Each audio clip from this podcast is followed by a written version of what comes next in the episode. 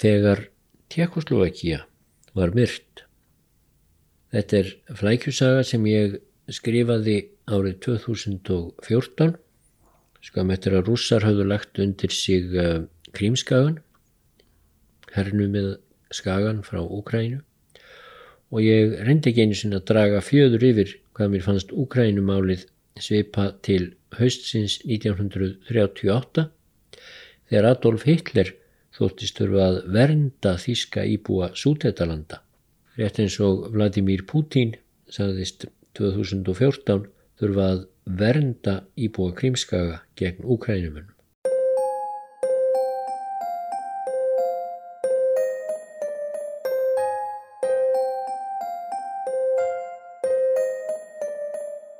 Godvinn lögmálið er það kallað, svo að þér virðist ófrávíkjanlega tilneying að í rökræðum, ekki síst á netinu, þá endar alltaf með því að einhverjum verður líkt við Adolf Hitler. Mike Godwin, sá sem áttaði sig á þessu, er pandarískur lögmaður og rittumundur. Hann setti fram lögmálið sitt þegar árið 1990. Reductio ad Hitlerum gengur út á að sína fram á að andstæðingurinn í rökræðunum hafi að einhverju leiti þó ekki sínum að svipaðar skoðanir og Adolf Hitler á eiginlega bara einhverju en þar með sé augljóst að hann sé óalandi og óferjandi jáfnvel þótt viðkomandi skoðun snúist alls ekki um sjálft deiluefnið í rökræðunum. Slíkt fannst Strauss ekki góð latína en hann var þjóðveri af gýðingættum sem endaði í bandaríkjunum. Nú má vera að ég falli í grefjur bæði Godvin lagmálsins og villunar hans Strauss með eftirfærandi flækisögu. En það verður þá að hafa það. Það er nefnilega svo margt sambærilegt við annars vegar framferði Vladimirs Pútins í málum Úkrænu nú 2014 og hins vegar framferði Hitlers í málum Tjekkoslovaki og fjórða áratögnum að það er með öllu ástæðalust að reyna að leina því hvað er tilefning þeirrar flækjusögu sem hér fer á eftir. Það er haustið 1938. 20 ár eru frá hruni Þískalands í kjölfar ósigurst í fyrir heimstyrjöldinni. Þjóðverjum þykir sömum tímabært að reysa sig til stórveldis á ný. Til valda er komin Adolf Hitler ákafur þjóðverðni sinni og yfirgangseggur hinn versti.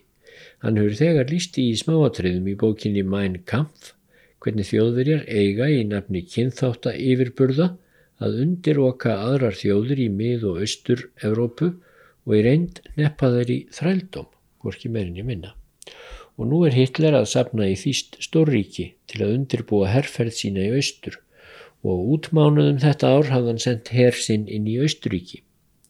Þar voru íbúðar af mjög svipuðu bergi brotnir og í Þýskalandi, töluðu Þýsku og flestir tóku innrásinni vel Þeir vildu heldur tilheyra endurreistu þýsku stórveldi en því smáríki sem Austuríki var þá orðið.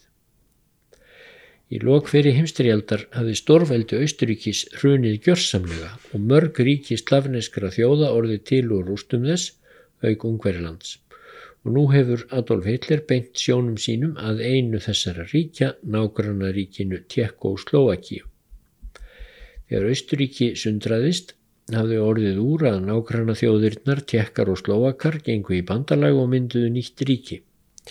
Tjekkar lögðu meðal annars til Bæheim sem fram á 16. öld hafði verið sjálfstætt ríki og bísna upplugt. Bæheimur var að vestan og norðan umkringdur hinnum lágu og gróðursælu sútettafjöllum en þau voru snemma byggð þjóðverjum að tölverðu leiti. Í umrótinu 1918 hafðum tíma verið rættum að Sútetafjöll skildu falla til Þískalands en ekki hinnar verðandi Tjekkoslovakíu en ekki var það úr.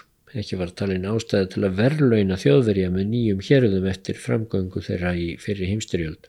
Auk þess sem þessi svæði höfðu náttúrulega aldrei tilhyrt því sameinaða Þískalandi sem var til á 19. öld. Heldur hafði tilhyrt Östuríki. Nú þá vildu tjekkar skiljanlega halda fjöllunum sem náttúrulegum landamærum og varnarlínu gegn þjóðurjum. Svo Tjekkoslovakia sem var til 1918 var að mörguleiti fyrirmynda ríki og til dæmis hefði eina af nýjum ríkjum mið- og austur-Evrópu þar sem líðræði helst óskert allt frá stopnun eftir fyrir heimstyrjöld. Forsetarnir Thomas Masaryk og síðar Edvard Benesch lögðu sig alla fram um að halda þjóðum og þjóðarbrótum Tjekkoslovakíu góðum og þjóðverjar í sútöldufjöllum höfðu margvísli réttindi en það voru þeirri næri fjórðungur íbúa fjöldalandsins eða um 22% árið 1921.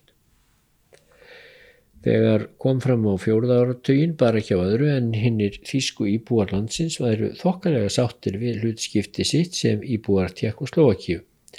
Þótt vissulega væri hægt að sína fram á dæmi um að þeim væri nokkuð mismunnað af stjórnvöldum í landinu.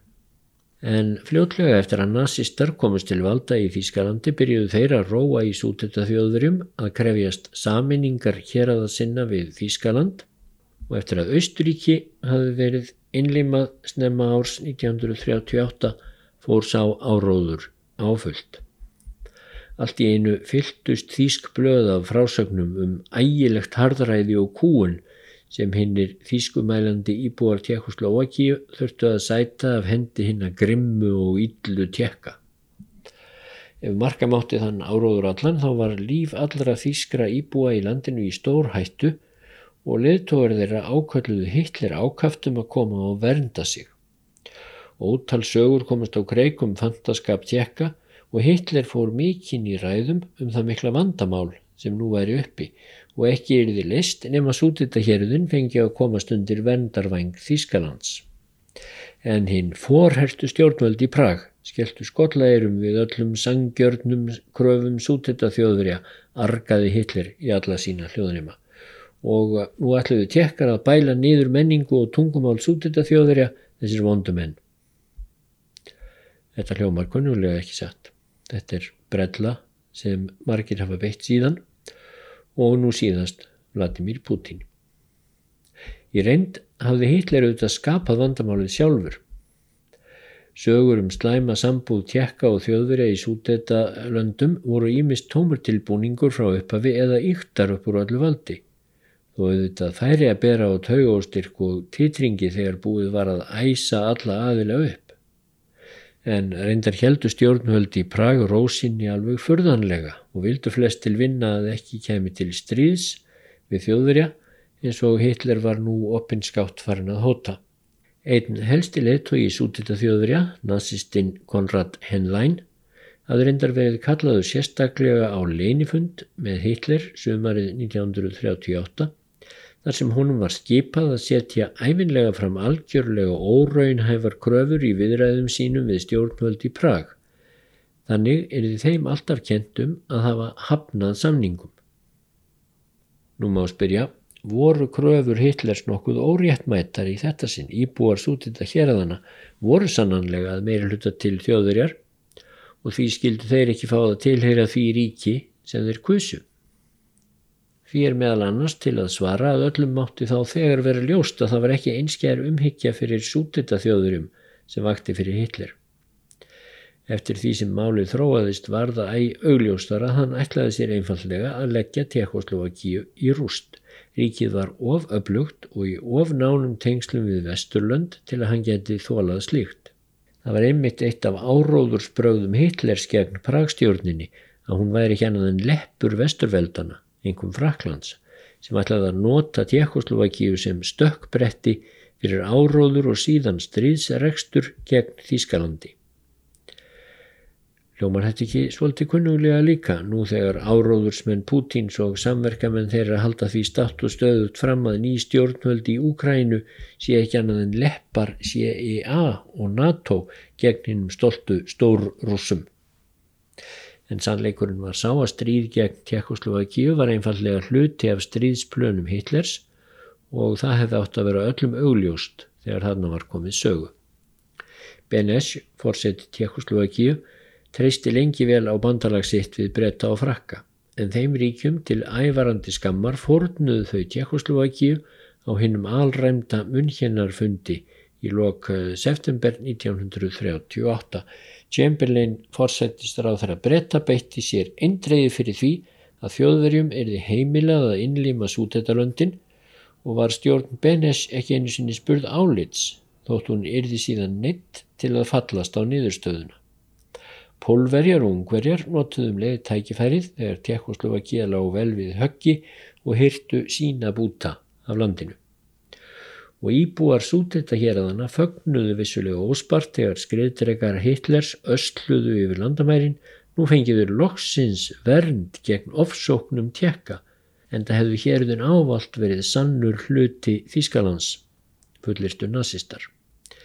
Tjekkneskir íbúar Sútenda hér að hana voru svo strax reknir á braut frá því svæði sem fjall undir Hitlers Þískaland. Chamberlain taldi sig eins og frækt varð verið að tryggja fríðum voru að daga því nú myndi Hitler láta staðar numið og stríðshætta væri úr sögunni.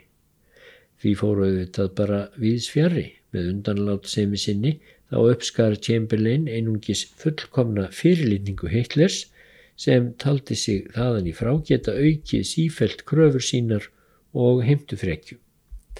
Svo lemstraða Tjekkoslovakia sem lifði af fundin í München var svo endanlega myrt í mars 1939 þegar Hitler gerði formála litla innrás í landið og lagði tjekkneska hlutan undir sig en slovakískir nazistar stopnuðu þýst leppiríki í austurhlutanum. Og svo var rauðin komin að polverjum. Þá var ég að vel friðþægingar postulanum Chamberlain nóg bóðið og síðari heimstyrjöldin braust út. Svo styrjöld sem alltaf mátti búast við eftir að Hitler hóf frekjuherrferð sína gegn nágranna löndunum í austri með undirróðri, hótunum og loks herrvaldi, til dæmis gegn henni ógæfusömu Tjekkoslovakíu og nú skal hver draga sína lerdóma burt séð frá Godvins lögmálinu eða villunni hans Ljá Strass. En kaltæðinislegast af öllu er að ef brettar og frakkar hefðu haft bein í nefinu og neytað algjörlega að láta undan ofstopa Hitler símun hér 1938 þá hefði Hitler að öllum líkindum verið stift af stóli og hann jafnvel drepin og það af þjóðverjum sjálfum. Ímsir aðstumenn Þíska hersins töldu nefnilega að svo styrjöld sem Hitler þráði og vildi hefja hún hliti að enda með algjörum ósigri Þískalands og þeir hafðu undirbúið valdarán höstið 1938. Þegar mótherjar Hitlers á alþjóðu vettvangi lippuðust hins vegar niður barátt og löst þá töldu herfóringjarnir sig ekki hafa vopn í höndunum gegn fóringjanum og hættu við allt saman.